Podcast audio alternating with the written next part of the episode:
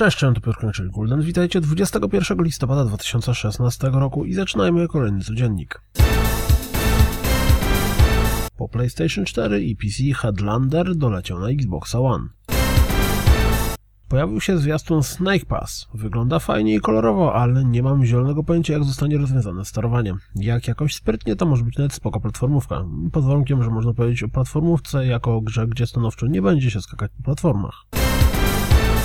W końcu pojawił się pełen zwiastun ostatniego dodatku pierwszego sezonu Tom Clancy's, Tom Clancy's Rainbow Six Siege.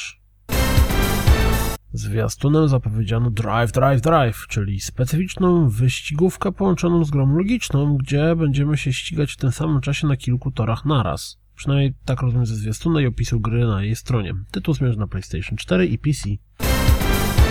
Premierowy zwiastun prezentuje nam Killing Floor 2 w wersji na PlayStation 4. The Last Guardian dostał ładny filmowy zwiastun. Dalej nie potrafię określić, czy pióra na tym zwierzaku wyglądają fajnie, czy nie fajnie. Pojawił się nowy zwiastun VR-owej gry Headmaster, w której, jak sama nazwa wskazuje, mocno pracujemy głową.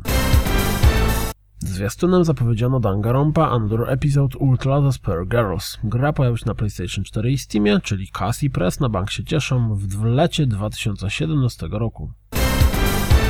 Mini zwiastun poinformował nas, że 6 grudnia pojawi się Bethesda Pinball od Zen Studios. Fajny ten smoczek. Wraz z premierą pojawił się premierowy zwiastun Planet Coaster.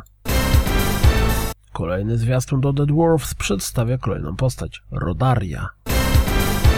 W nowym zwiastunie Tekken 7 zobaczymy trochę nowych cutscenek. Total War Warhammer otrzyma nowy dodatek Realms of the Wood Elves, który został przedstawiony zwiastunem. Nie ma tygodnia, żebyśmy nie mówili w dziale ploty czegoś o Nintendo. Tym razem pojawiły się informacje, jakoby jednym z tytułów startowych miał być tworzony przez Ubisoft Mario RPG Invasion of the Rabbits. Hmm.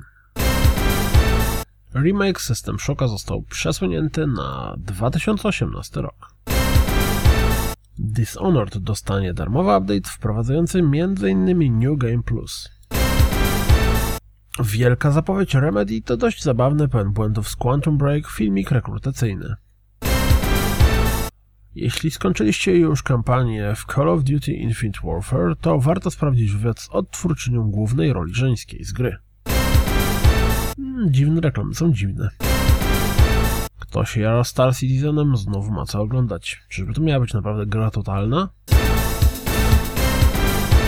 To wszystko na dziś. Jak zawsze dziękuję za słuchanie. Jak zawsze zapraszam na www.rozgrywkapodcast.pl Jeśli doceniacie moją pracę, wesprzyjcie mnie na Patronite i mam nadzieję, słyszymy się jutro. Mam nadzieję, że o trochę wcześniejszej porze będę nagrywał jutrzejszy odcinek. No i miłego dnia. Trzymajcie się. Cześć.